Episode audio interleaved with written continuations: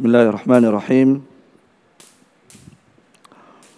السلام عليكم ورحمة الله وبركاته الحمد لله حمدا كثيرا طيبا مباركا فيه مباركا عليه كما يحب ربنا ويرضاه أشهد أن لا إله إلا الله وحده لا شريك له إقرارا به وتوحيدا وأشهد أن نبينا محمدا عبده ورسوله صلى الله عليه وعلى آله وأصحابه وسلم تسليما مزيدا. أما بعد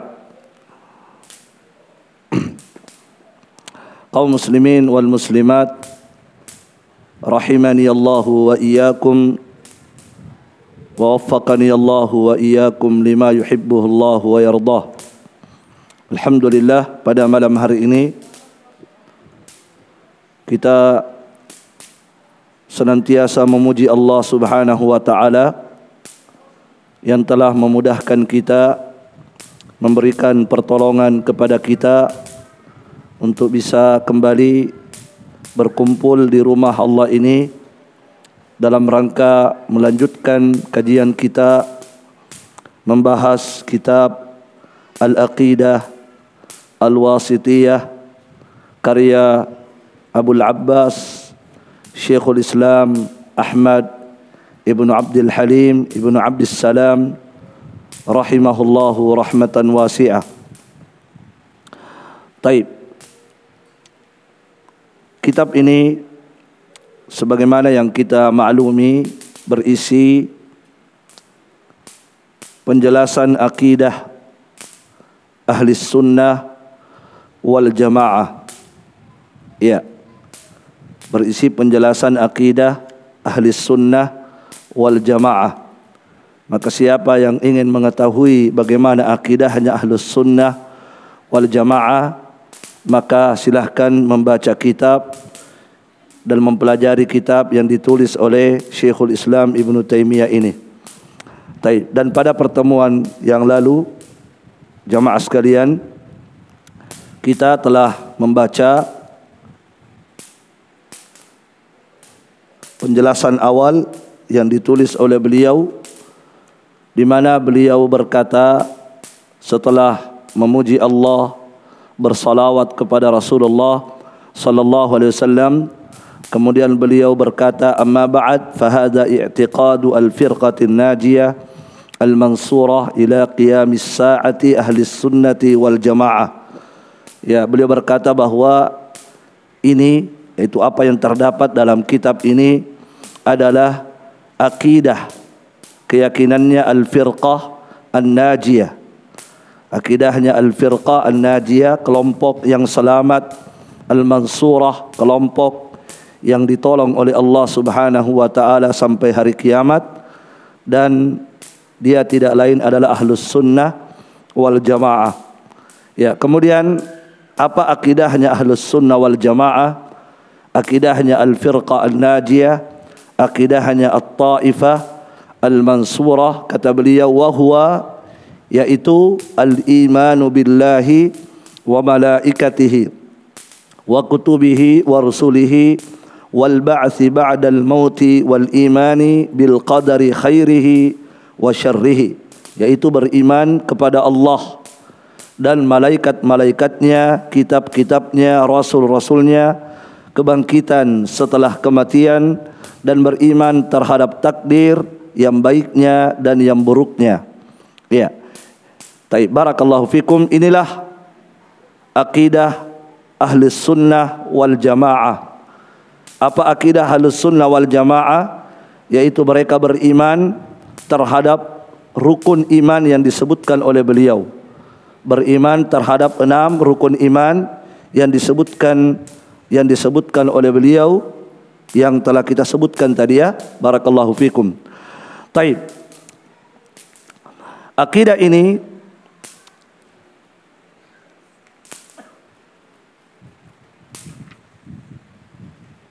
kata Syekh Ibn Utsaimin rahimahullah dalam syarahnya hadhil aqidah. Aqidah ini as-salaha as-salaha lana an-nabiy sallallahu alaihi wasallam fi jawab Jibril hina sa'ala an-nabiyya sallallahu alaihi wasallam. Kata Syekh Ibn Utsaimin akidah ini telah ditanamkan oleh Rasulullah sallallahu alaihi wasallam kepada kita semua telah dijadikan pondasi pokok-pokok untuk kita oleh Nabi sallallahu alaihi wasallam. Jadi kata Syekh Ibnu Utsaimin ini adalah merupakan pokok akidah yang telah ditanamkan oleh Rasulullah sallallahu alaihi wasallam kepada kita. Ya, pada saat beliau menjawab pertanyaannya malaikat Jibril. Pada saat beliau menjawab pertanyaannya malaikat Jibril alaihi salam. Ketika Jibril bertanya kepada Nabi, apa itu iman? Apa itu iman? Dalam hadis Jibril ya. Ya akhbirni anil iman, kabarkan kepadaku apa itu iman. Maka Nabi menjawab iman itu adalah ini. Antuk minabillahi wa malaikatihi wa kutubihi wa rusulihi wal yaumil akhir wa tu'mina bil qadari khairihi wa syarrihi. Ya. Maka di sini Nabi menyebutkan kepada kita pokok-pokok keimanan yang harus diimani oleh setiap muslim dan muslimah. Ya. Maka siapa yang tidak beriman tidak beriman terhadap enam rukun iman ini maka dia bukan ahlus sunnah wal jamaah. Jelas? Ya inilah akidah hanya ahlus sunnah beriman terhadap enam rukun iman ini. Maka siapa yang tidak mengimaninya ya apakah tidak mengimani salah satunya? Apalagi tidak mengimani seluruhnya maka jelas dia telah keluar dari ahlus sunnah wal jamaah. Bahkan bukan sekedar keluar dari ahlus sunnah wal jamaah tapi dia telah keluar dari Islam. Dia telah keluar dari Islam dan menjadi kafir. Jelas ya? Oleh karena itu Syekh Ibn Utsaimin rahimahullahu taala ya beliau berkata annal iman billah kata beliau wa man lam wa man lam yu'min biha jami'an fahuwa kafir Maka barang siapa yang tidak beriman pada seluruh enam rukun iman ini, dia tidak imani seluruhnya, maka dia telah kafir. Jadi bukan lagi keluar dari ahlus sunnah wal jamaah, tapi dia telah keluar dari Islam dan dia telah menjadi kafir. Jelas ya? Taib. Jadi ini pokok-pokok keimanan yang harus kita imani tidak boleh tidak boleh tidak.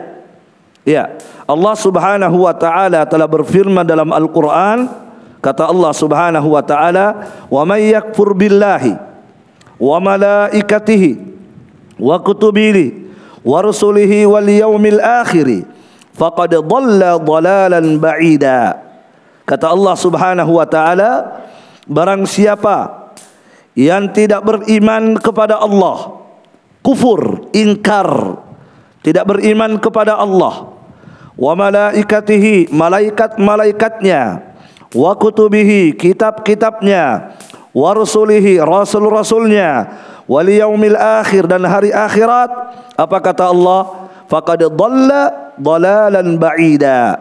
Maka sungguh dia telah tersesat dia telah sesat. Jangan ragu mengatakan sesat. Kenapa? Sebab Allah yang mengatakan. Bahkan Allah menegaskan dengan huruf qad faqad dhalla. Sungguh betul-betul dia telah tersesat. Tersesatnya bukan dekat tapi dhalalan ba'ida. Tersesat dengan kesesatan yang sangat jauh. Sudah jauh menyimpang dari jalan Allah subhanahu wa ta'ala. Ya jadi kata Allah tadi siapa yang beriman siapa yang tidak beriman kepada Allah kitab-kitabnya rasul-rasulnya hari kiamat dan seterusnya maka sungguh kata Allah dia telah tersesat dengan kesesatan yang sangat jauh. Ya, bahkan dia telah kafir. bukan lagi sekedar tersesat ya sebab ada orang tersesat masih muslim tapi orang yang tidak mengimani tadi rukun iman mengingkari salah satunya maka dia bukan sekedar tersesat saja tapi sungguh dia telah telah kafir. Allah Subhanahu wa taala berfirman dalam Al-Qur'an innal ladzina yakfuruna billahi wa rusulihi. Sesungguhnya orang-orang yang kafir yang tidak beriman terhadap Allah dan rasul-rasulnya wa yuriduna ay yufarriqu bainallahi wa rusulihi. Dan mereka ingin membedakan mereka ingin membedakan ya antara keimanan kepada Allah dan keimanan kepada Rasul. Maksudnya mereka ingin membedakan. Mereka berkata kami beriman kepada Allah tapi tidak kepada Rasul. Nah siapa orang-orang yang seperti ini Membedakan antara keimanan kepada Allah Beriman kepada Allah tapi tidak beriman kepada Rasul Ya wa yaquluna mereka berkata nu'minu bi ba'din wa nakfuru bi ba'd. Mereka berkata kami beriman kepada rasul sebagian tapi kami tidak beriman kepada yang sebagian yang lain. Maka orang-orang yang seperti ini apa kata Allah? Ulaika humul kafiruna haqqa. Ulaika mereka-mereka itulah. Siapa tadi? Yang tidak beriman kepada Allah, tidak beriman kepada Rasul atau dia beriman kepada Allah tapi tidak mau beriman kepada Rasul atau dia beriman kepada Rasul tapi sebagian saja yang lainnya tidak diimani apa kata Allah maka mereka-mereka ini al kafiruna haqqa betul-betul kafir yang sebenarnya. Ya, betul-betul hakka, benar-benar kafir. Jangan ragu mengatakan mereka kafir. Ya, jangan ragu. Ya, sekalipun mereka berkata eh, mereka adalah orang yang suka mengkafirkan. Iya, dikafirkan orang yang dikafirkan. Siapa yang dikafirkan yang jelas kafirnya? Siapa yang kafir ini dalam Al-Qur'an? Siapa yang tidak beriman kepada Allah? tidak beriman kepada Rasul atau beriman kepada Allah, tidak beriman kepada Rasul atau beriman kepada Rasul tapi hanya sebagian saja, yang lainnya tidak diimani. Seperti Yahudi hanya beriman kepada Nabi Musa tapi tidak mau beriman kepada Nabi Isa dan Nabi Muhammad atau Nasara. Hanya beriman kepada Nabi Isa tapi tidak beriman kepada Nabi Muhammad sallallahu alaihi wasallam. Maka kata Allah mereka-mereka ini al-kafiruna haqqan mereka inilah orang yang kafir sebenarnya. Wa a'tadna lil kafirina adaban muhina kata Allah. Dan kami telah mempersiapkan untuk orang-orang kafir adab di hari kiamat yang akan menghinakan mereka. Adab yang akan menghinakan menghinakan mereka. Ya, maka jamaah sekalian barakallahu fikum ya maka Syekhul Islam Ibnu Taimiyah di sini menjelaskan kepada kita pokok-pokok keimanan ahlus sunnah wal jamaah. Barakallahu fikum. Taib. Kemudian di sini kita mulai pertama di sini beliau mengatakan akidah ahlus sunnah wal jamaah adalah beriman kepada Allah. Disebutkan dulu apa? Pertama beriman kepada Allah. Ini akidah ahlus sunnah. Siapa pun dia harus mengimani ini. Beriman kepada Allah. Ya.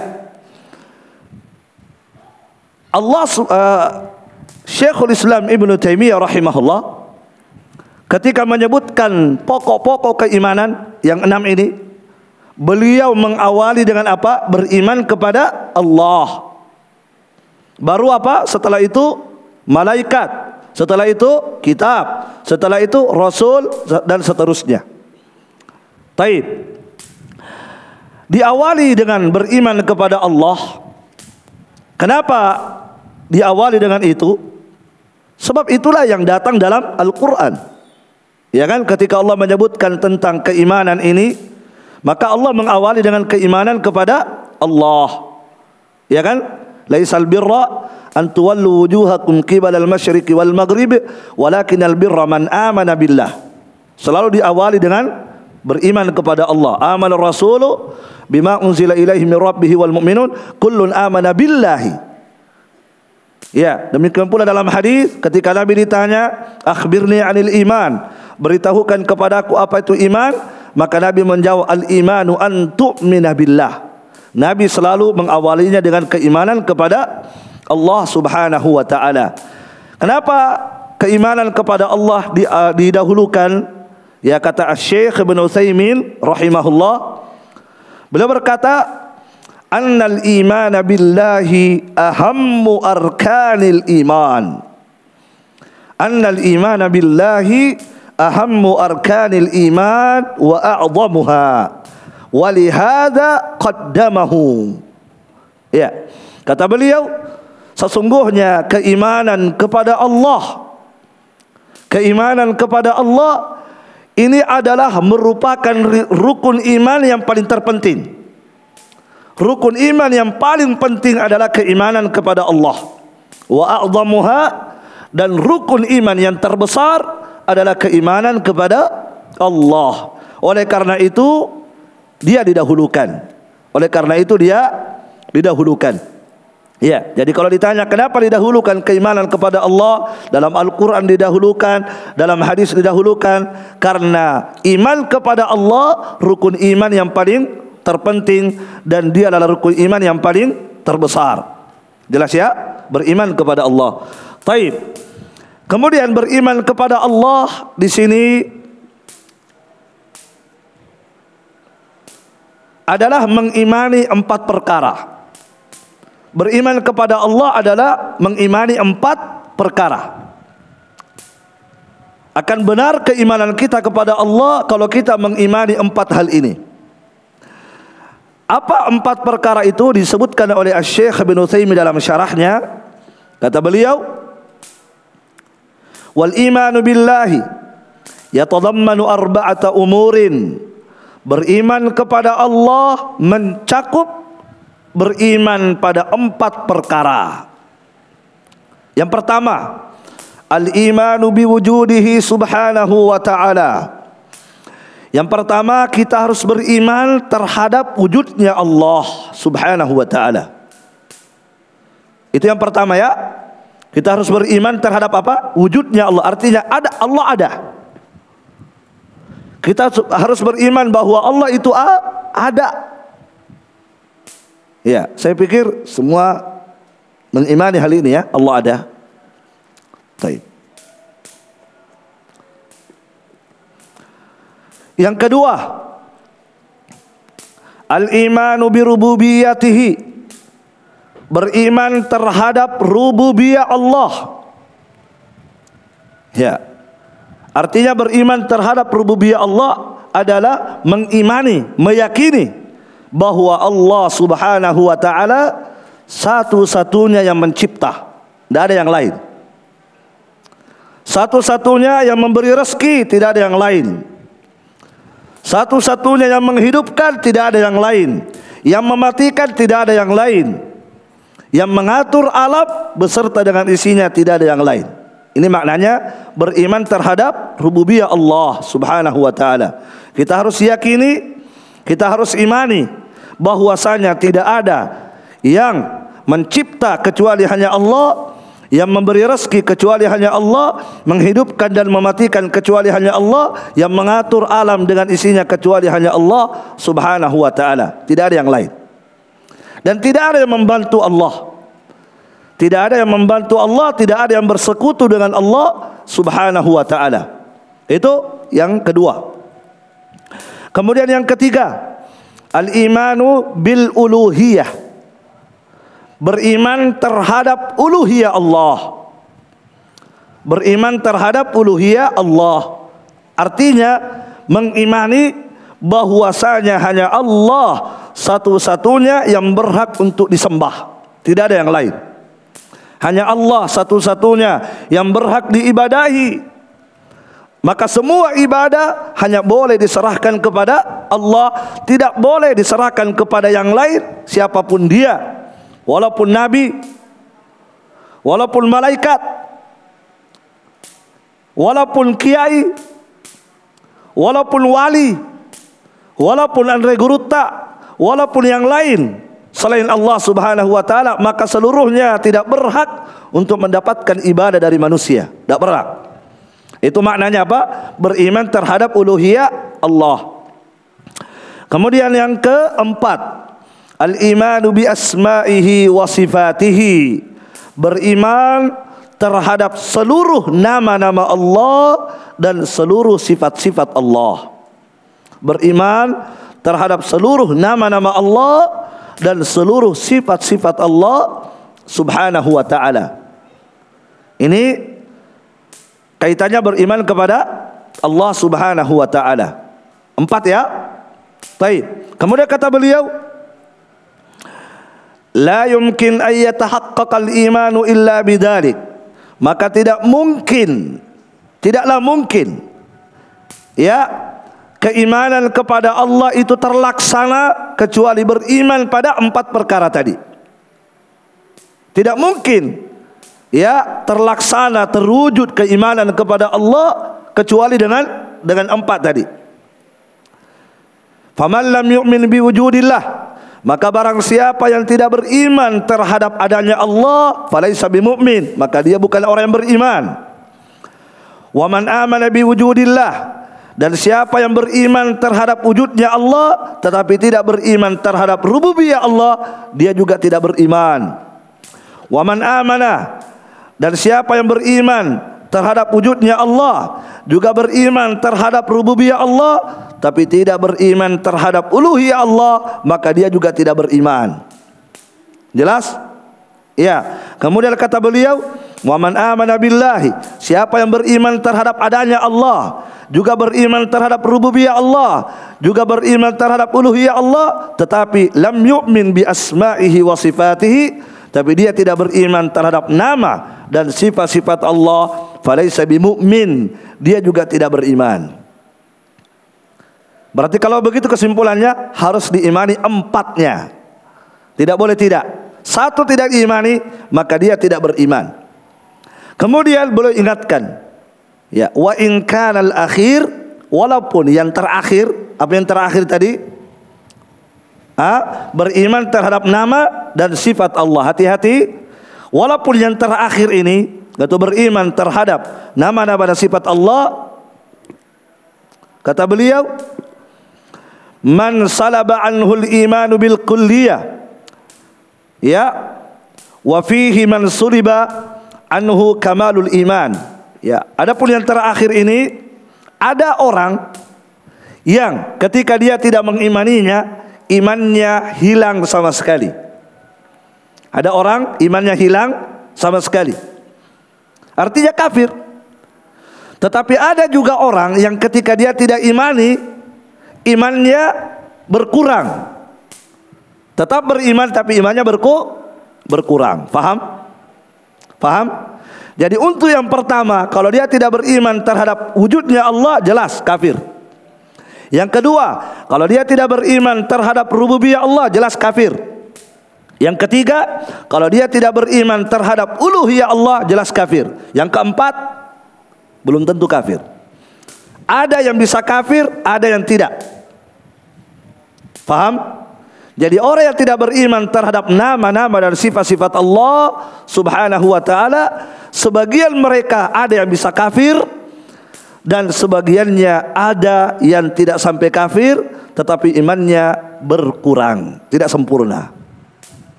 Yang mana akan dijelaskan nanti. Ada waktunya nanti ya di saat kita masuk perincian tentang nama-nama dan sifat-sifat Allah Subhanahu wa taala.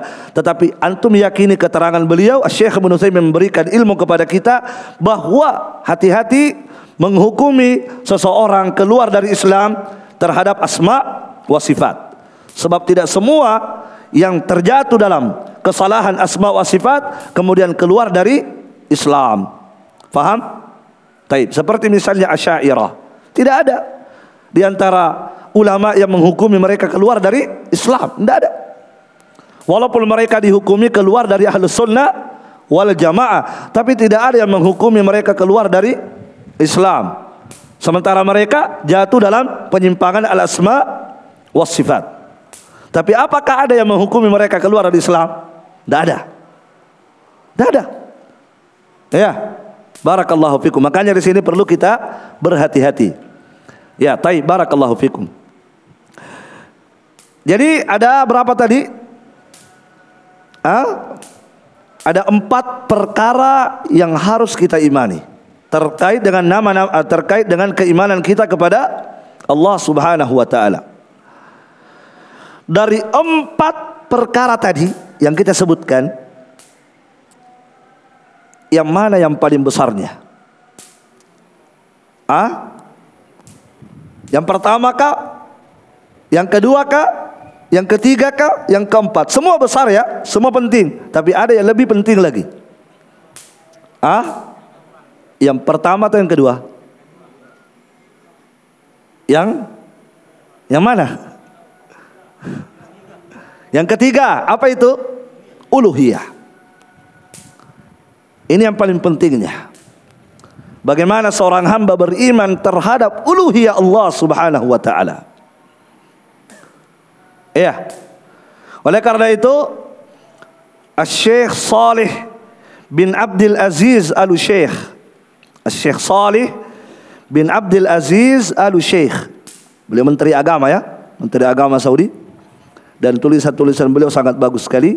Hampir tulisan beliau sangat menarik untuk dibaca.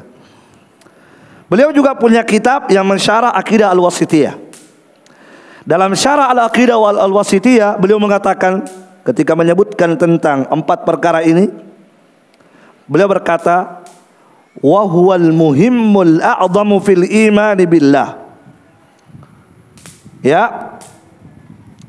Dan yang paling penting kata beliau al-muhim yang penting al-a'zam yang paling agung yang paling besar Ya, kaitannya dengan iman kepada Allah adalah al-imanu, beriman bi anna hadzal rabb bahwasanya Rabb itu yang mencipta ini huwal mustahiqqu lil ibadah. Dialah yang berhak untuk diibadahi. Wahdahu semata duna ma siwa bukan yang lainnya wa anna kullama siwahu adapun selain Allah la yastahiqqu syai'an minal ibadah. Maka selain Allah tidak berhak sedikit pun untuk diibadahi. Tidak berhak. Ini yang paling apa? Kata beliau ini yang paling pentingnya. Yang paling pentingnya yang paling agungnya yang paling besarnya yang paling hebatnya apa? Bagaimana kita mengimani uluhiyah Allah Meyakini bahawa tidak ada satupun yang berhak untuk diibadahi kecuali hanya Allah. Selain Allah tidak berhak. Siapa pun dia. Walaupun dia malaikat. Malaikat yang paling dekat kepada Allah. Malaikat Jibril yang paling mulia tidak berhak. Walaupun Nabi, Nabi yang terbaik Nabi Muhammad tidak berhak. Apalagi hanya manusia biasa. Apalagi manusia yang bejat. Manusia bejat diibadahi. Ya kan? Manusia yang tidak punya akal, yang gila diibadahi. Ya. Dikultuskan. Mereka tidak berhak. Malaikat saja yang tidak pernah bermaksiat kepada Allah tidak berhak diibadahi. Nabi yang paling mulia tidak berhak diibadahi. Apalagi ada manusia yang gila. Iya kan? Manusia yang tidak punya akal. Yang kemudian dikatakan wali, yang kemudian dikultuskan, diibadahi dan seterusnya. Nauzubillah. Ya, inilah indahnya kita belajar ilmu agama. Ya, kita selamat dari orang-orang gila. Di masa ini banyak orang gila, tapi bertitel doktor, gila. Kenapa gila? Ha? Sebab menganggap wali padahal orang orang itu gila. Iya. Mereka tidak berhak diibadahi. Siapa mereka? Ha? Siapa mereka? Taib. Apalagi kalau dia adalah bukan makhluk hidup yang mati, yang tidak mendengar, yang tidak melihat. Iya. Maka orang-orang yang menyerahkan ibadah kepada selain Allah itu disebut dalam Al-Quran orang-orang yang tidak berakal. Bahkan mereka diserupakan seperti binatang, bahkan lebih sesat daripada binatang. Binatang saja tidak ada yang seperti itu. Binatang saja tahu bahwa Allah di atas. Tahu bahwa ketika terjadi sesuatu, butuh sesuatu, mereka meminta kepada Allah. Tidak ada meminta kepada sesama binatang, tidak ada. Binatang lebih cerdas daripada manusia. Makanya Allah selalu mengatakan kepada mereka yang memalingkan ibadah pada makhluk, apa kata Allah? Ulaika kal an'am. Mereka itu kata Allah seperti binatang. Balhum adall, bahkan mereka lebih sesat daripada binatang. Mereka lebih sesat. Tapi mereka selalu mengatakan apa? Kalian yang sesat. Coba. Mereka sudah sesat. Mereka sudah seperti binatang. Bahkan lebih jelek daripada binatang. Tapi apa kata mereka? Kalian yang sesat. Subhanallah. Ya. Kalau dia sadari dia sesat bagus. Tapi ada orang sudah sesat, sudah jauh tersesat, masih juga menganggap dirinya menempuh jalan benar. Nauzubillah ya. Barakallahu fikum. Taib. Ya jadi dari empat tadi perkara yang harus kita imani yang paling pentingnya apa? Beriman terhadap uluhiyah Allah. Kenapa dikatakan ini yang paling penting? Ini yang paling besar? Ini yang paling hebat? Ini yang paling luar biasa? Kenapa? Karena seluruh nabi dan rasul diutus oleh Allah Subhanahu wa taala Ha? Seluruh nabi, seluruh rasul diutus oleh Allah Subhanahu wa taala untuk menanamkan akidah ini. Iya kan? Bukan yang pertama. Sebab hampir manusia sudah mengakui Allah ada. Bukan pula yang kedua. Sebab hampir manusia mengakui Allah yang mencipta. Kan begitu. Siapa pun yang antum tanya, hatta orang yang berbuat kesyirikan, kalau antum tanya, Siapa yang menciptakan antum? Tidak mungkin dia berkata Wali Songo atau Imam Lapeo, tidak mungkin. Pasti dia akan berkata Allah. Siapa yang memberikan rezeki kepada antum? Antum tanya mereka yang mencari rezeki di pepohonan, mereka yang mencari rezeki di bebatuan, antum tanya dia, "Hei, siapa yang memberi rezeki kepada antum?" Mungkinkah dia berkata batu? Tidak mungkin. Pasti dia berkata apa? Allah. Tidak ada yang mengingkari itu. Ya, makanya Nabi, para nabi dan para rasul mereka berdakwah, mereka diutus oleh Allah untuk berdakwah, bukan itu. Karena karena hampir mereka, hampir manusia mengakui itu semua. Iya kan? Tetapi apa inti dakwah mereka, tujuan utama mereka diutus oleh Allah Subhanahu wa taala yang ketiga ini uluhiyah. Bagaimana mereka mengajak manusia untuk kembali menyembah hanya kepada Allah Subhanahu wa taala. Itu inti dakwah. Ya. Walaqad ba'atsna fi kulli ummatin rasulan an i'budullah wajtanibut tagut. Sungguh kata Allah, kami telah mengutus pada setiap umat rasul. Tidak ada satupun umat yang kosong dari rasul. Setiap umat pasti ada rasul. Ada yang dua rasulnya, ada yang tiga, ada yang macam-macam. Tapi setiap umat yang ada dari yang pertama sampai yang terakhir semuanya ada rasulnya. Apa kata Allah? Sungguh kami telah mengutus pada setiap umat rasul. Apa tujuan Allah mengutus mereka sebagai rasul? Ani'budullaha wajtanibut tagut.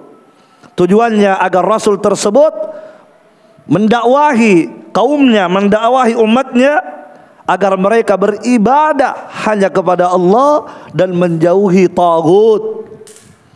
Menjauhi ta tagut. Tagut itu kullu ma ubida min dunillah. Segala sesuatu yang disembah selain Allah itu tagut. Maka itu dakwah seluruh nabi. Itu maksud Allah mengutus rasul dan para nabi agar mereka mendakwahi manusia agar mereka beribadah hanya kepada Allah dan meninggalkan tagut segala yang disembah selain Allah Subhanahu wa taala.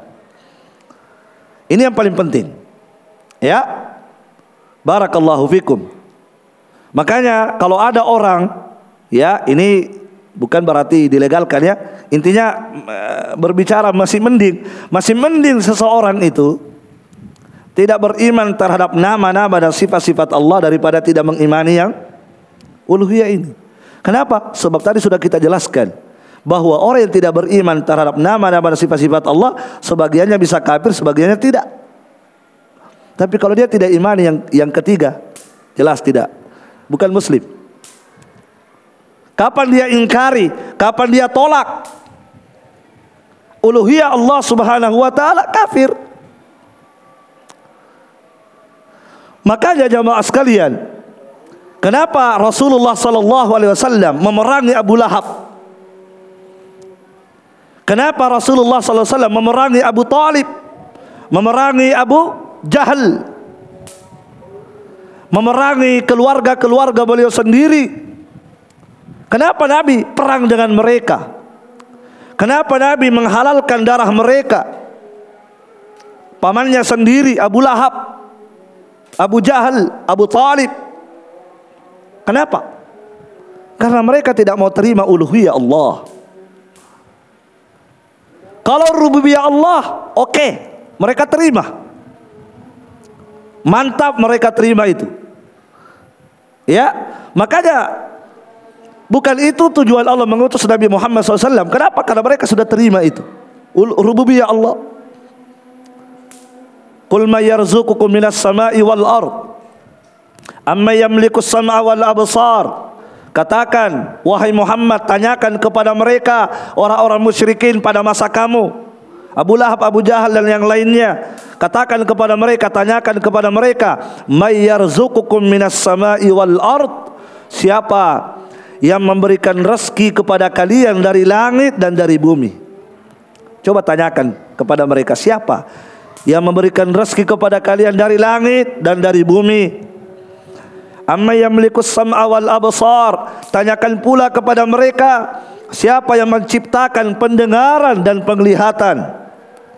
Siapa yang menghidupkan, siapa yang mematikan? Tanyakan kepada mereka wahai Muhammad. Wa man yudabbirul amra dan tanyakan kepada mereka wahai Muhammad, siapa yang mengatur segala urusan di dunia ini? Siapa yang atur? Coba tanyakan. Ha? Apa jawaban mereka? Fasayaquluna Allah. Maka kata Allah pasti mereka akan menjawab Allah. Allah. Iya. Tetapi ketika mereka tidak mau mengakui uluhiyah Allah, maka terpaksa Nabi harus perang mereka. Iya kan? Mereka tidak mau terima uluhiyah Allah.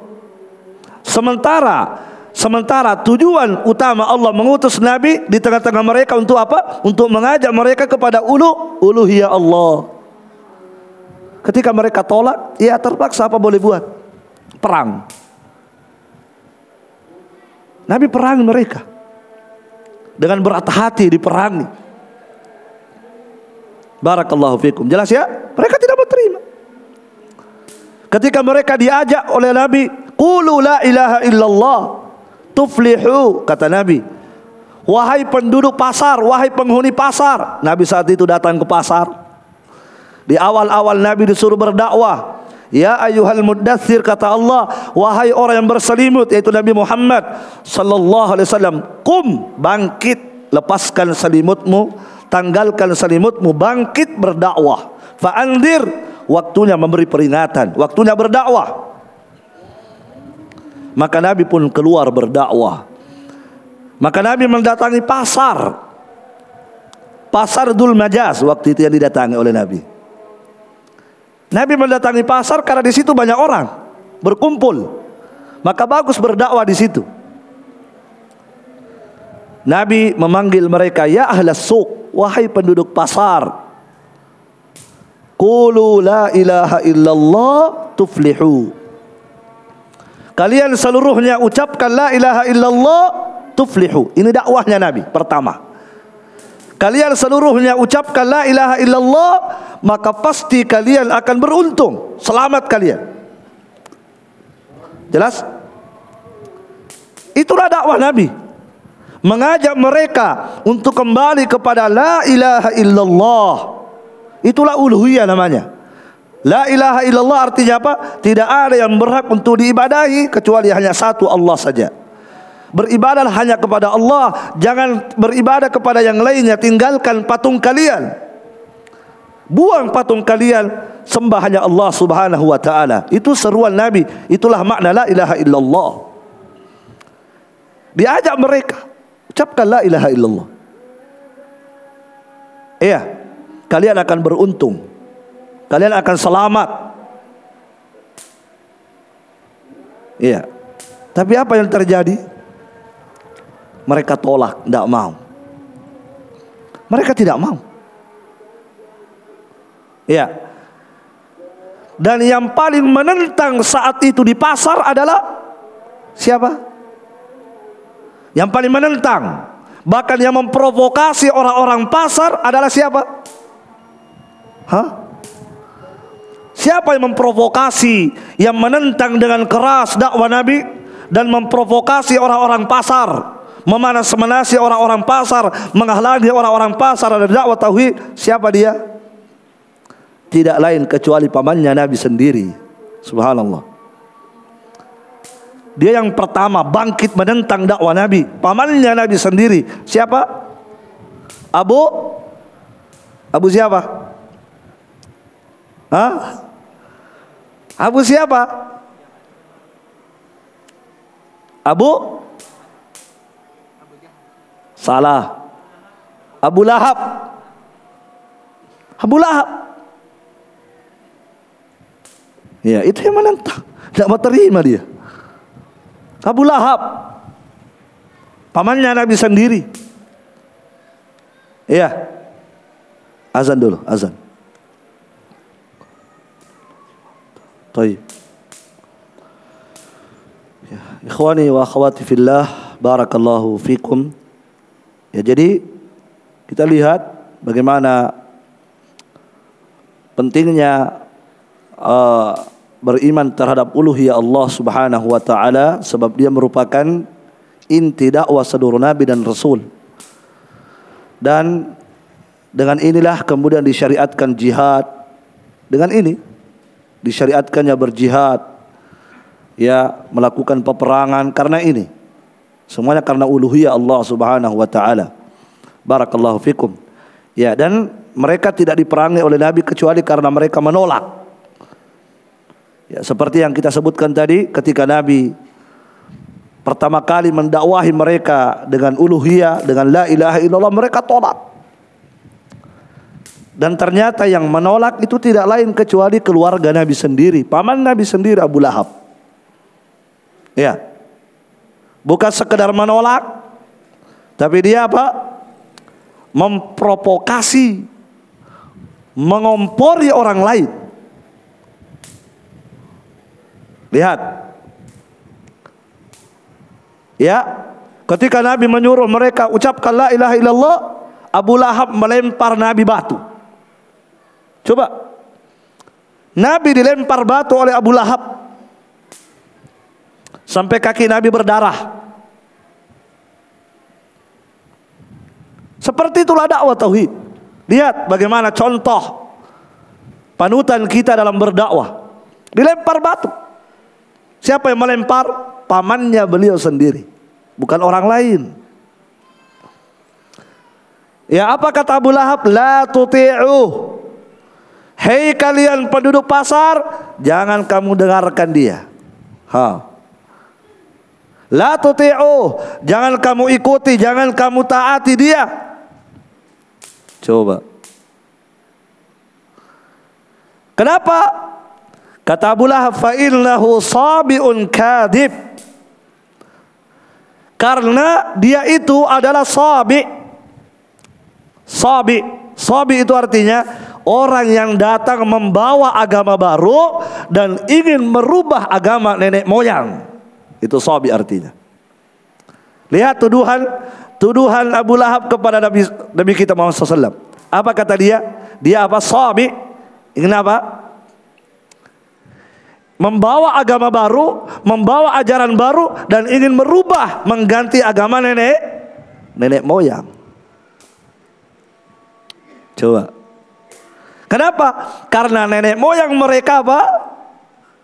Nenek moyang mereka beribadah kepada Allah, beribadah juga kepada patung. Itu nenek moyang mereka, agamanya mereka. Maka ketika Nabi datang menyuruh mereka mengucapkan la ilaha illallah, menyembah hanya Allah, membuang patung, apa kata mereka? Ini dakwah aneh, ini agama baru, ini ajaran baru, ini dan seterusnya. Ini ingin merubah agama nenek moyang ini. Coba. Ada enggak di masa ini mirip Abu Lahab? Ada banyak. Banyak. Jadi sebenarnya terkait dengan dakwah tauhid itu, itu sejarah akan berulang, cuma pelakunya berbeda. Tapi akan berulang terus seperti itu sunnatullah. Sunnatullah akan berlaku sampai hari kiamat. Siapa pun yang membawa dakwah tauhid akan mengalami nasib mengalami cobaan seperti cobaan yang ditimpakan kepada Nabi kita Muhammad SAW dan penentangnya juga sama. Cuma wajahnya berbeda, namanya berbeda, pelakunya berbeda, tapi karakternya sama. Di masa ini banyak Abu Lahab, sifat-sifatnya maksud saya. Banyak kan? Ketika kita datang berdakwah tauhid, tinggalkan kesyirikan, apa kata mereka? Hmm. Agama agak sih ya, Ha. Ya. Agama apa lagi itu? Ajaran apa lagi itu? Ya. Ini orang ini datang ingin merubah tradisi nih. Nah, itu kan? Kita sudah dari dulu begini. Kan begitu ya? Mirip. Kalau Abu Lahab tadi bilang apa? Ini sabi orang yang datang membawa agama baru, ajaran baru dan ingin menggeser ajaran nenek mo, nenek moyang. Di hari ini sama, ada seperti itu juga. Iya. Ketika kita sampaikan, tapi dia nama Pakuro Andre Guruta. Ya, tapi kenapa balik orang tua kita dulu begini? Ah, coba. Dikembalikan kepada orang tua dulu. Dan inilah hujah-hujahnya orang-orang jahiliyah. Seperti inilah hujahnya jahiliyah. Wa qila lahum ma apa kata mereka? Qalu bal nattabi'u ma alaihi aba'ana. Ketika mereka diajak Ittabi'u ma anzalallah. Ikutilah apa yang telah Allah turunkan kepadamu. Apa jawaban mereka? Tidak. Bahkan kami kami yang kami ikuti adalah apa yang telah diajarkan oleh pendahulu-pendahulu kami. Jelas? Barakallahu fikum. Lihat apa kata Abu Lahab kepada orang pasar. Eh jangan kalian ikuti dia. Kenapa? Dia ini membawa dakwah baru, agama baru, ajaran baru. Padahal itu ajaran baru atau tidak? Bukan baru. Itu udah ajaran Nabi terdahulu. Hanya melanjutkan agama ajaran Nabi Ibrahim alaihissalam. Bukan baru. Cuma mereka yang baru dengar mungkin ya. Ha, begitu. Ada orang begitu, baru dengar. Kenapa baru dengar? Tidak pernah belajar. Tidak pernah belajar, hanya hanya sibuk di pasar, hanya sibuk di sawah, hanya sibuk di mana. Begitu disampaikan, wih, ada ajaran apa nih, lagi itu? Ya, padahal lengkap dengan dalil disampaikan ayat-ayat Allah, hadis-hadis Nabi. Ya kan? Tapi kenapa pale anu begini? Ah, kenapa pale? Ah, barakallahu fikum. Jelas ya? Apa kata Abu Lahab? Sabi. Kemudian apa kata Abu Lahab? Kadib. Pembohong. Jangan kamu ikuti dia itu sabi dan juga ka kadib pembohong itu dia. Dituduh Nabi kita dituduh apa? Dituduh bohong, pendusta. Iya kan? Dituduh pendusta. Nah, seperti itulah ya penentangan-penentangan. Mereka tidak terima. Oleh karena itu terpaksa Nabi harus perang. Nabi juga sudah menyampaikan Ketika mereka tolak ya sudah apa kata Allah? Wa qatiluhum hatta la takuna fitnah. Itu perintah Allah. Wahai Muhammad, perangilah mereka sampai tidak ada lagi kesyirikan yang tersisa. Perangi mereka. Jelas ya? Taib. Ikhwani wa akhwati fillah rahimani wa rahimakumullah. Ya, kalau dalam Al-Qur'an dijelaskan lebih lebih lebih lengkap juga dalam Al-Qur'an dijelaskan bagaimana penentangan mereka. Mereka tidak terima dan mereka melakukan provokasi. Nah, seperti itu selalu. Jadi bukan hal yang baru bagi kita ketika muncul orang-orang seperti itu. Sebab sudah ada pendahulu. Dan siapa pun yang berdakwah kepada uluhiyah pasti akan mendapatkan penentangan. Tidak mungkin tidak. Itu sunnatullah. Barakallahu fikum. Jelas ya? Iya. Kalau kita tidak dalam Quran, ha? lebih parah lagi ya. Tapi ketika Nabi menyuruh mereka mengucapkan la ilaha illallah, apa jawaban mereka? Aja alal alihata ilaha wahida. Ya, apakah Muhammad itu ingin menjadikan yang disembah cuma satu? Apakah Muhammad itu ingin menjadikan yang disembah cuma satu? Inna hadza la syai'un ujab kata mereka. Sesungguhnya ini perkara yang aneh. Lihat, apa kata mereka? Ini perkara aneh. Dakwah aneh. Seruan aneh, ajaran aneh kata mereka. Padahal yang Nabi serukan apa? Menyuruh mereka hanya menyembah satu. Makanya apa jawaban mereka? Kenapa Muhammad ingin menjadikan disembah cuma satu? Itu artinya mereka faham la ilaha illallah kan? Mereka faham. Makanya jawaban mereka, kenapa dia ingin menjadikan yang disembah cuma satu? Hanya Allah saja? Tidak mungkin kata mereka ini aneh, dakwah aneh, ajaran aneh. Kenapa aneh? Ya karena kami sudah dari dulu menyembah Allah, menyembah juga berhala. Tok tiba-tiba datang dia apa? Menyuruh menyembahnya Allah. Mereka tidak mau terima itu. Iya. Maka setelah mereka tidak mau terima, apa yang mereka lakukan? Kata Allah, "Wal talaqal mala'u minhum."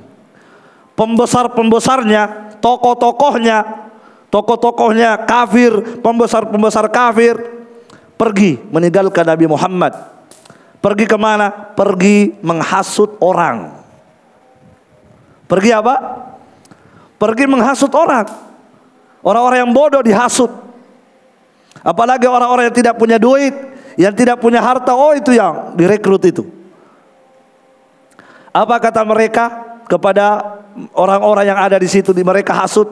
Mereka berkata, "Animshu wasbiru ala alihatikum." Subhanallah.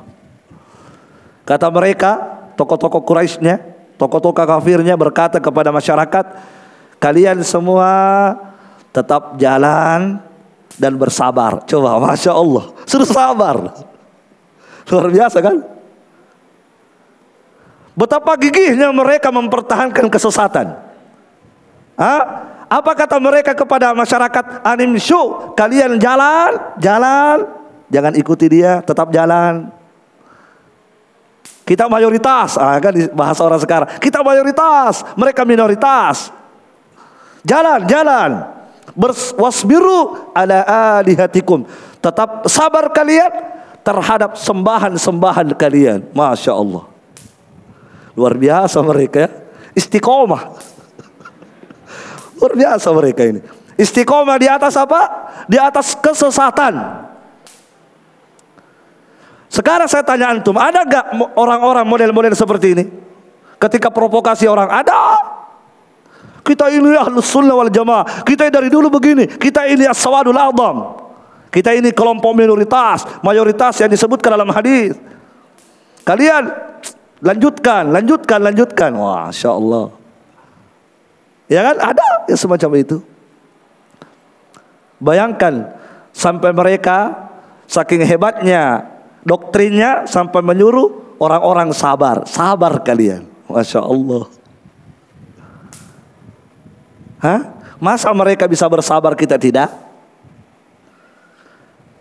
Kalau mereka bersabar, padahal mereka bersabar di atas kesesatan, bersabar di atas jurang-jurang neraka jahanam, masa kita tidak bisa sabar? bersabar di atas al-haq, bersabar di depan pintu-pintu surga Allah Subhanahu wa taala. Kalau mereka bisa bersabar, maka kita harus lebih sabar. Paham? Ya.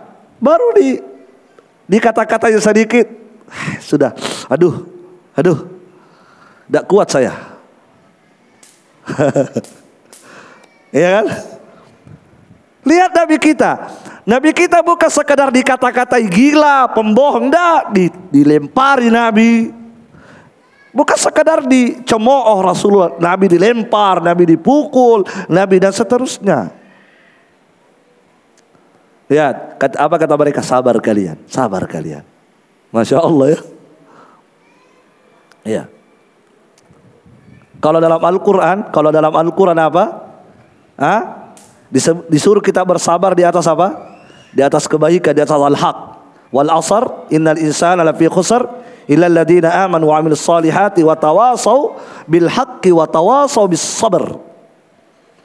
Disuruh kita sabar di atas ilmu, sabar di atas dakwah, sabar di atas kebenaran. Iya. Taib. Sabar ya. Jangan kita ya sabar. Barakallahu fikum. Ya, Nabi kita ketika disuruh berdakwah di awal disuruh Nabi berdakwah, kum fa'andir wa rabbaka fakabbir wa thiyabaka fatahhir war rujza fahjur dan seterusnya. Ya, seterusnya disuruh sabar setelah itu. Wasbir ala ma yaqulun. Sabar kalian, sabarlah engkau wahai Muhammad terhadap ucapan-ucapan mereka. Sabar engkau wahai Muhammad. Nabi bersabar.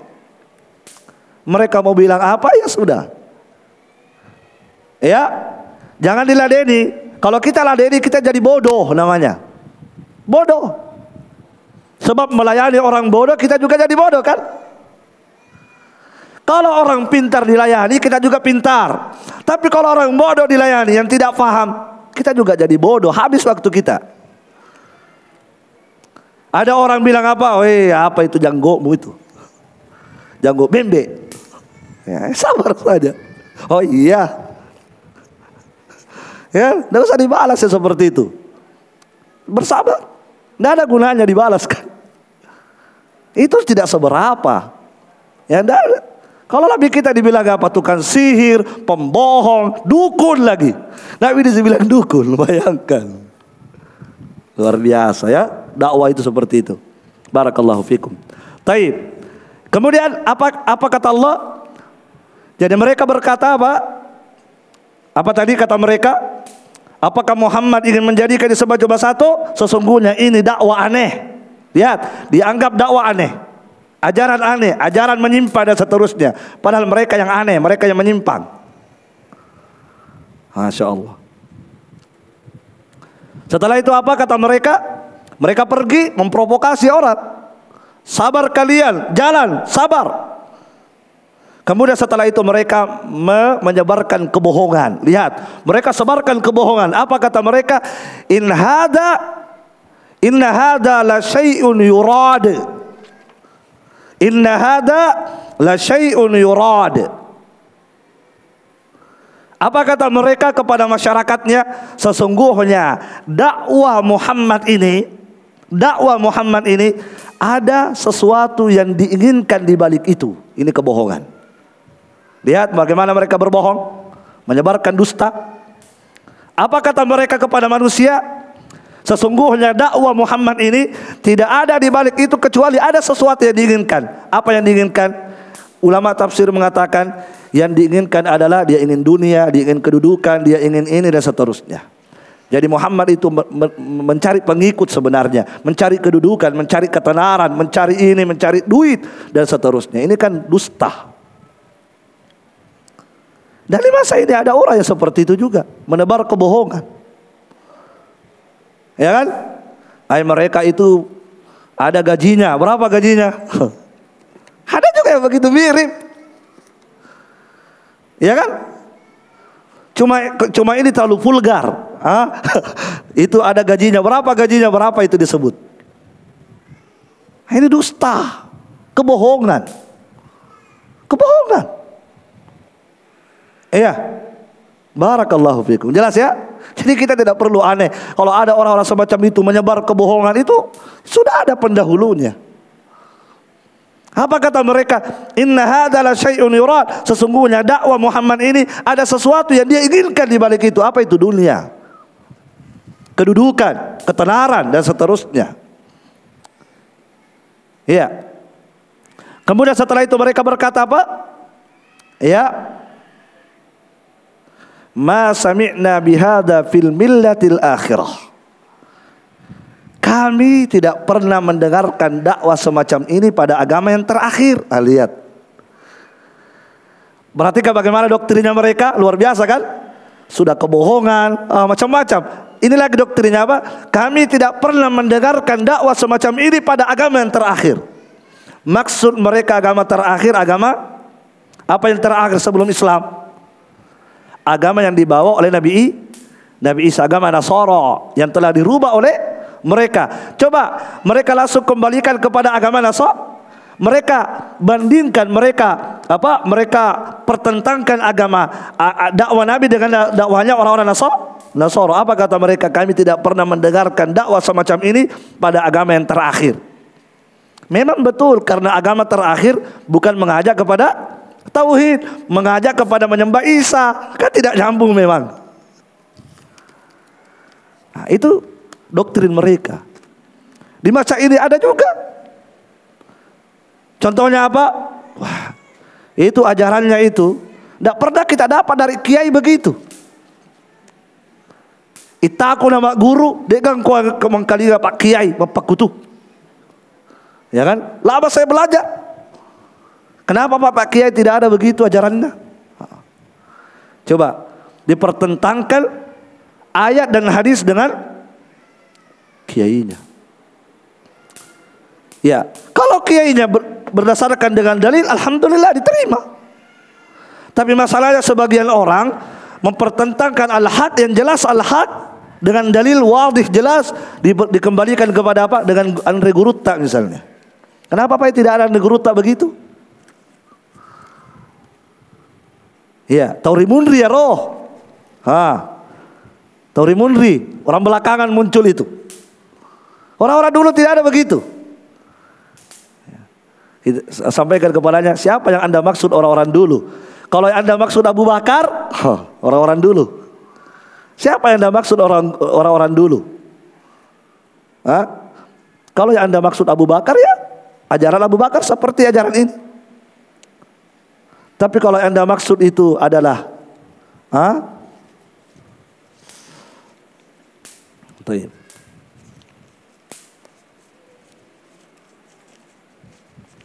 Jadi kata mereka, "Ma sami'na bi hadza fil millatil akhirah in hadza illa ikhtilaq." Sesungguhnya dakwah ini tidak lain kecuali hanya kebohongan. Lihat. Lihat bagaimana penentangan mereka terhadap uluhiyah Allah Subhanahu wa taala luar biasa ya cara mereka menentang ya menyebar hoaks kebohongan dan seterusnya. Ya kadang mereka mengembalikan kepada nenek moyang kadang mereka dan seterusnya. Seperti itulah perjalanan dakwah. Barakallahu fikum. Jelas ya? Baik Ya, jadi ini ikhwani wa akhwati fillah rahimani wa rahimakumullah terkait dengan keimanan kita kepada Allah Subhanahu wa taala ya bahwa kita harus beriman pada empat hal. Wujudnya Allah rububiyah Allah uluhiyah Allah asma was sifat. Kita harus imani empat perkara ini. Ya barakallahu fikum. Siapa yang meninggalkan satu dari empat hal ini maka dia telah ya membahayakan imannya. Dia telah membahayakan imannya terkhusus tadi yang ketiga uluhiyah Allah subhanahu wa taala. Kemudian selanjutnya masuk pada keimanan terhadap malaikat-malaikat Allah. Ya, setelah keimanan kepada Allah, masuk yang kedua wa malaikatihi, keimanan terhadap malaikat-malaikat Allah Subhanahu wa taala. Barakallahu fikum. Insyaallah taala dilanjutkan di pertemuan berikutnya.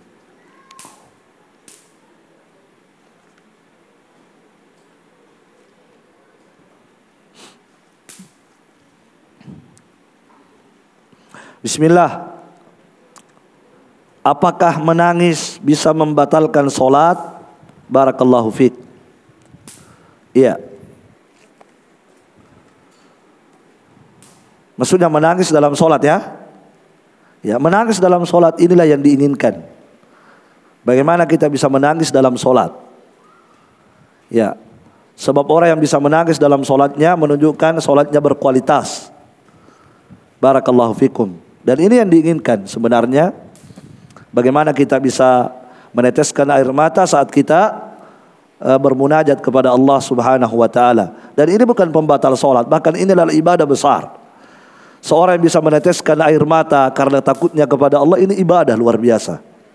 Ya, kata Nabi sallallahu alaihi wasallam, "Salasatun la tara a'yunuhumun nar yaumal qiyamah." Ada tiga mata yang tidak akan melihat kepada api neraka di hari kiamat.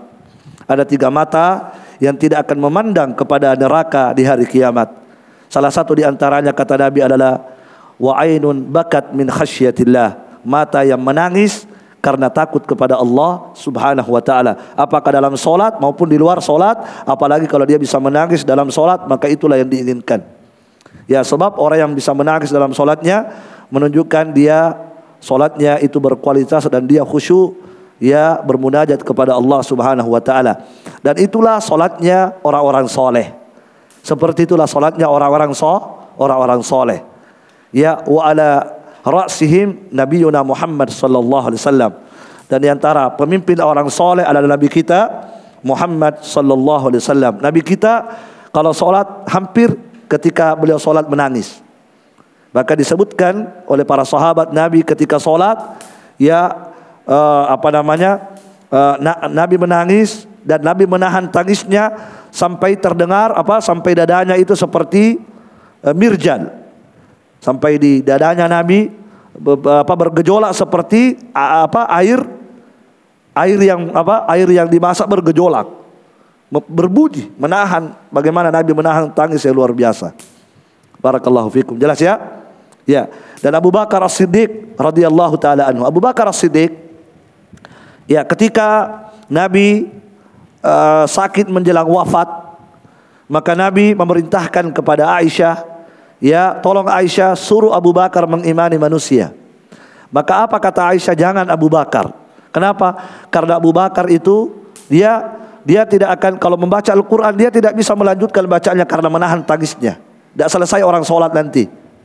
Ya kenapa? Karena Abu Bakar kalau setiap dia sholat membaca Al-Quran pasti nangis. Dan dia tidak akan sanggup melanjutkan bacaannya karena begitu hebatnya tangisan beliau. Ya maka ini menunjukkan kepada kita jamaah sekalian justru itulah yang diinginkan. Bagaimana bisa bagaimana kita bisa meneteskan air mata ketika kita bermunajat kepada Allah Subhanahu wa taala. Dan ini tentunya bukan pembatal solat, bukan pembatal bukan pembatal solat sama sekali. Ya bahkan itulah yang kita harapkan bagaimana Allah Subhanahu wa taala memberikan khusyuk dalam hati-hati kita. Barakallahu fikum. Taib.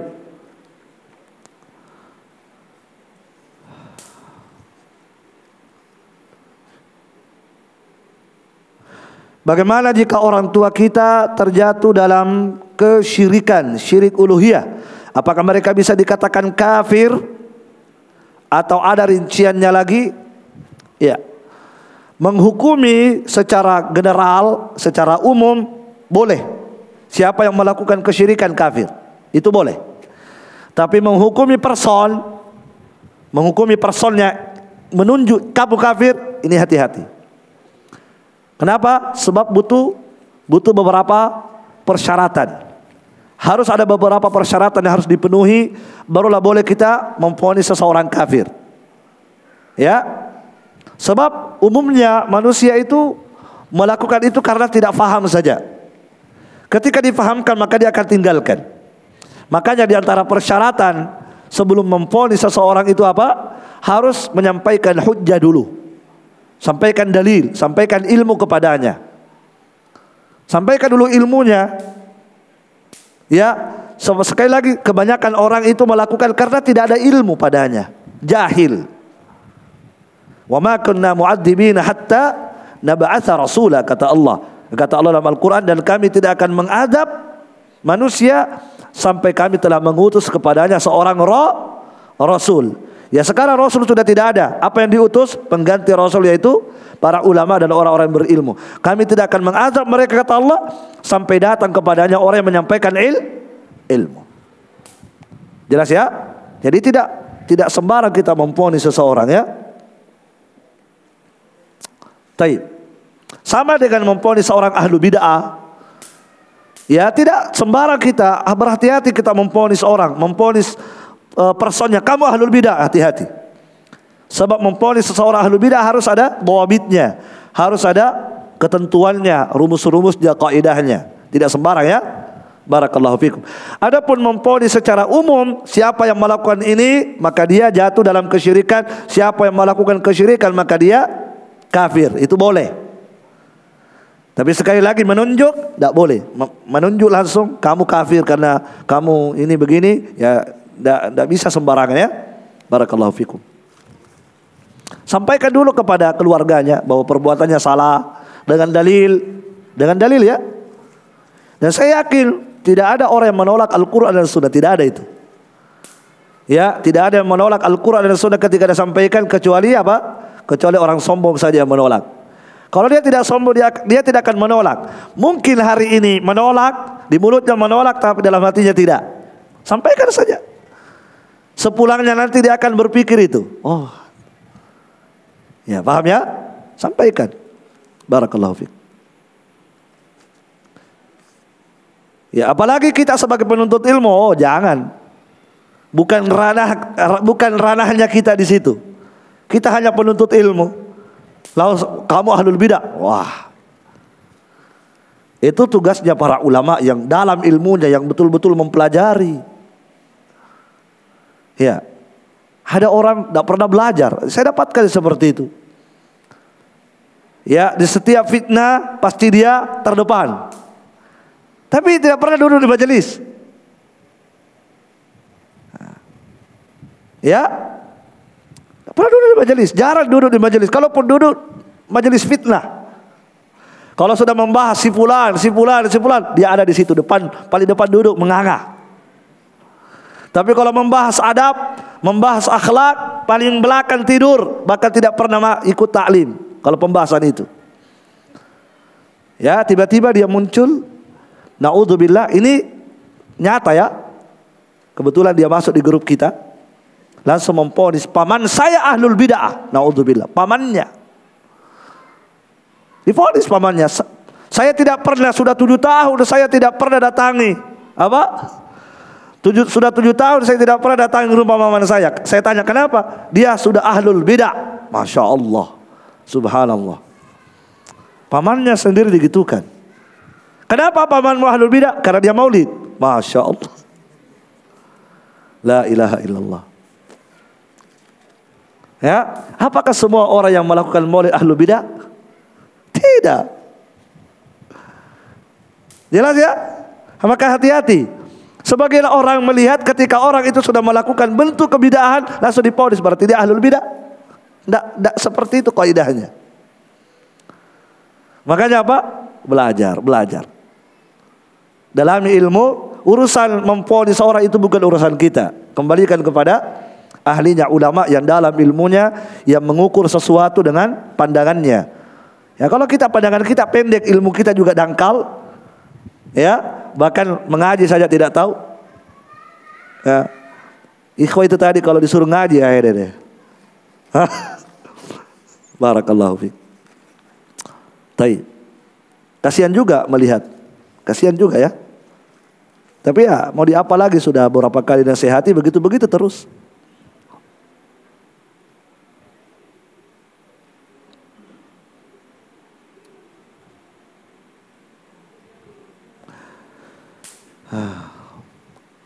Izin bertanya Ustadz, bagaimana sikap kita sebagai seorang anak yang orang tuanya melakukan syirik akbar dengan meyakini bahwa ada tempat selain Allah untuk meminta bantuan ataupun pertolongan? Apakah orang tua kami tersebut langsung dihukumi kafir atau ada rincian mengenai hal, itu? Mirip dengan pertanyaan tadi ya. Sampaikan dulu kepadanya, sampaikan dalil-dalil. Ya, apa namanya tidak boleh jangan meminta pertolongan iya karena abudu wa iya karena stain itu dalil yang paling mudah. Iya karena abudu wa iya karena stain. hanya engkau yang kami sembah ya Allah dan hanya kepadamu kami minta pertolongan. Sampaikan surah Al-Fatihah. Dia sudah hafal Al-Fatihah kan? Sampaikan dalil-dalilnya. Ya. Ya, dekatkan dengan pemahaman. Misalnya dia datang ke batu, sampaikan dengan logika. Batu ini mendengar atau tidak? Ya kan? Kembalikan dia kepada akal sehatnya. Seperti Nabi Ibrahim mengembalikan mengembalikan manusia saat itu kepada akal sehat. Lima ta'budu ma la yasma'u wa la yubsiru wa la yughni anka syai'a. Wahai kalian, kenapa kalian menyembah sesuatu yang tidak mendengar?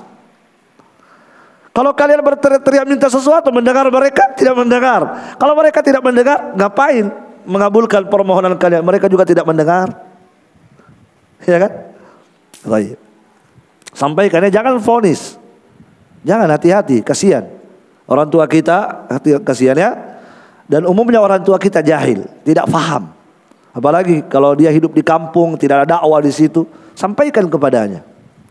Ya, sampaikan kepadanya. Dan apakah yang melakukan baca-baca dengan tujuan katanya memberi makan orang yang telah meninggal dihukumi kafir? Wah, ini lebih parah lagi. Orang yang melakukan baca-baca, apakah Apakah amalan itu syirik? Eh, siapkan sikap para. Apa isinya? Hah? Ayam, nasi, songkolo, telok dan seterusnya. Semua lengkap di situ. Kemudian dibaca-bacai. Untuk siapa? Untuk orang yang sudah meninggal. Apakah perbuatan ini syirik? Hah? Ini baca-baca dengan tujuan katanya memberi makan orang yang telah meninggal. Ah, memberi makan. Kalau tujuannya, kalau alasannya untuk memberi makan, apa cocoknya ini? Tidak mungkin dikatakan syirik. Karena dia tujuannya ingin memberi ma makan. Cocoknya dikatakan apa? Kurang waras. Ya kan? Kenapa masa orang meninggal dikirimi begitu? Bisa gak dia makan itu? Nah, itu namanya kurang waras. Tapi apakah dikatakan syirik? Tidak mungkin syirik. Sebab dia syirik itu apa? Apa definisi syirik? Nah, makanya kita harus paham apa definisi syirik baru kita hukumi orang syirik atau tidak. Jangan sampai kita sudah hukumi orang syirik baru kita tidak tahu apa itu syirik. Ditanya apa itu syirik? Tidak tahu saya. Syirik itu apa? Hah? Syirik itu kata Syekh Muhammad bin Abdul Wahab dalam usul salah apa? Sarful ibadati ghairillah. Menyerahkan satu ibadah pada selain Allah itu syirik. Sekarang orang yang baca-baca tadi, apakah dia menyerahkan ibadah? Tidak, dia hanya menyerahkan songkolo untuk dimakan oleh bapaknya. Masa syirik? Tidak syirik. Terus apa itu? Bid'ah. Itu beda. Kenapa? Tidak ada contoh, tidak ada dalil. Tapi bukan syirik. Kalau bukan syirik tidak mungkin dikatakan kafir orangnya. Atau misalnya dia lakukan itu pahalanya. Umumnya orang begitu ya. Baca-baca apa? Sedekah pahalanya diniatkan untuk orang yang meninggal. Syirik atau tidak? Jelas bukan syirik. Bid'ah atau tidak? Jelas bukan bid'ah. Boleh atau tidak? Boleh atau tidak? Ada khilaf ulama. Ada khilaf. Ulama halus sunnah berbeda pendapat. Sebagian ulama mengatakan boleh. Kenapa? Sebab itu bagian sedekah. Dan bersedekah kepada orang yang meninggal. Pahalanya untuk orang meninggal sampai. Itu uh, ulama halus sunnah berpendapat demikian. Jadi tergantung apa tujuan dia baca-baca. Paham? Kalau dia tujuannya tujuannya adalah apa? Uh, uh, supaya uh, diniatkan sedekah dimakan oleh orang supaya pahalanya untuk orang yang meninggal itu sebagai Allah mengatakan tidak masalah bersedekah untuk orang yang meninggal boleh kan? Boleh. Cuma dia medianya bersedekahnya pakai makanan tadi. Kalau begitu. Kemudian dia doakan apa? Doakan orang yang meninggal kan? Cuma Pendapat yang kuat ya bersedekah boleh sampai tapi bukan dengan cara seperti itu. Itu amalan-amalan yang tidak ada tuntunan kan tidak perlu seperti itu. Ya. Apalagi biasanya mereka menyiapkan makanan khusus. Ada makanan khususnya itu. Tidak sembarang makanan mereka buat kan? Tidak sembarang itu. Ada makanan khususnya memang yang sudah ditentukan oleh nenek moyangnya. Nah, ini ini perkara-perkara baru dalam agama. Silakan Anda bersedekah kalau mau bersedekah untuk orang yang meninggal ini sumbangan sumbangan untuk orang tua saya boleh. Ini saya menyumbang untuk kakek saya meninggal, pahalanya boleh menurut sebagian ulama. Tapi untuk membuat tradisi seperti itu, ya, ya maka nasi kapara, kemudian ada ada telur, ada dupa-dupana dan seterusnya. Ini tradisi-tradisi yang tidak dituntunkan dalam agama kita. Jelas ya? Barang. Apakah syirik? Tidak, tidak syirik. Tidak syirik. Yang syirik itu kalau dia begini. Ah. Dibaca dikasih makan, dikasih baca-baca. Kenapa? Karena kalau tidak bahaya. Apa bahayanya? Sakit nanti semua anggota, semua nanti satu rumah sakit. Itu baru syirik. Kenapa? Karena sudah ada keyakinan bahwa ada selain Allah yang bisa menimbulkan mudarat. Itu syirik rububiyah. Kita meyakini hanya Allah yang bisa menimbul, menimbulkan bahaya kan? Nah ketika ada orang meyakini ada selain Allah bisa menimbulkan mudarat, syirik apa namanya? Syirik rububiyah. Paham? Ah, itu baru syirik. Makanya hati-hati memponis orang lain. Hati-hati ikhwas sekalian. Tidak semua orang yang membaca-baca itu kemudian kita ponis apa? Syirik. Dilihat apa tujuannya dia baca-baca. Ya kan? Ditanyakan dulu. Perlunya kita tabayun kepada orang, jangan langsung memponis, apalagi dihukum rata. Pokoknya siapa baca-baca, oh. Hah, pokoknya. Hah? Taib. Sebagaimana Nabi ketika melihat ada suatu amalan sahabat, ada ihtimal syirik, ada ihtimal tidak, Nabi tanya dulu. Nabi tanya. Ketika ada sahabat memakai apa? Memakai kuningan. Memakai kuningan dipakai di tangannya kuningan dipakai, gelang, gelang kuningan. Ini kan ada ihtimal. Maka Nabi tanya, mahada. Apa ini? Apa ini? Apa jawaban minal wahina? Ya Rasulullah, saya pakai ini untuk apa? Untuk menolak penyakit wahina. Ah. Saya pakai ini untuk apa? Untuk menolak bala, untuk menolak penyakit wahina. Baru Nabi mengatakan inza'aha, lepaskan Lepaskan kata Nabi.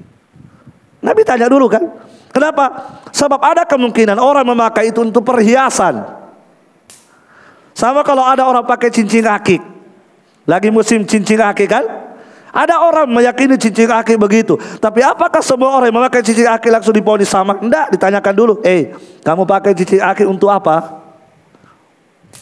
Kalau dia bilang untuk untuk mana? Karena batunya besar untuk meninju orang. Wah. Kita katakan apa? Haram. Syirik bukan syirik, tapi haram. Kenapa? Tujuannya untuk meninju orang. Kalau dia berkata apa? Saya pakai cincin kaki dalam rangka mencontoh Nabi. Kenapa? Nabi pakai cincin. Maka kita katakan mantap antum telah mengamalkan sunnah. Sebab sunnah Nabi pakai cincin. Kalau dia berkata, saya pakai cincin akhir untuk pelaris dagangan, maka kita katakan Anda telah melakukan kesyirikan. Baru syirik. Jelas? Tabayun ya kepada orang. Jangan langsung memponis.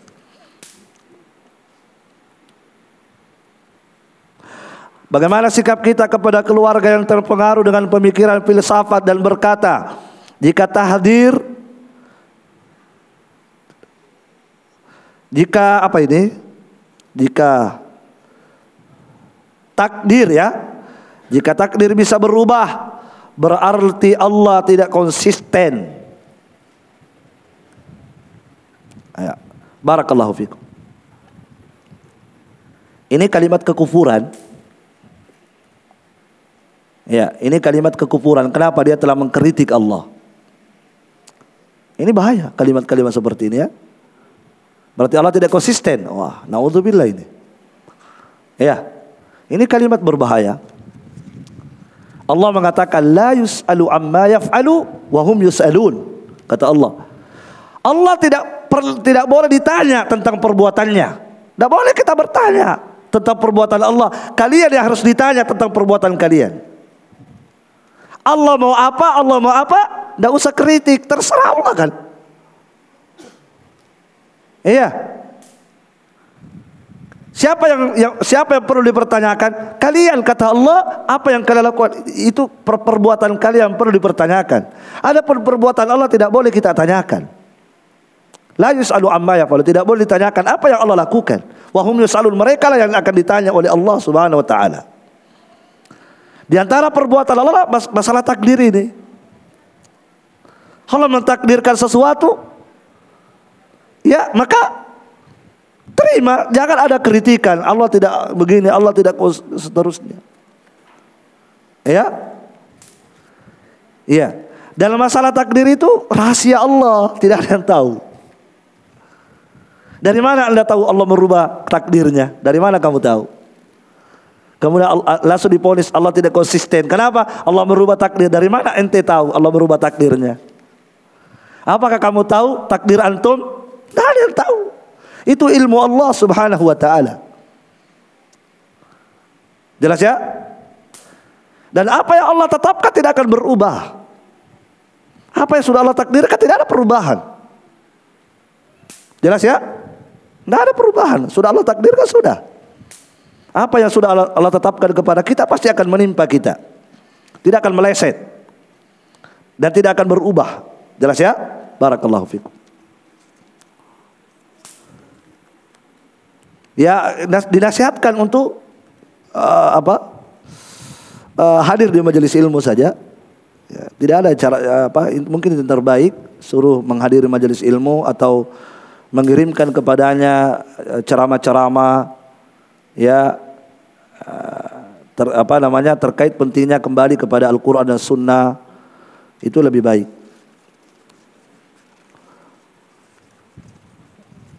Cukup kayaknya.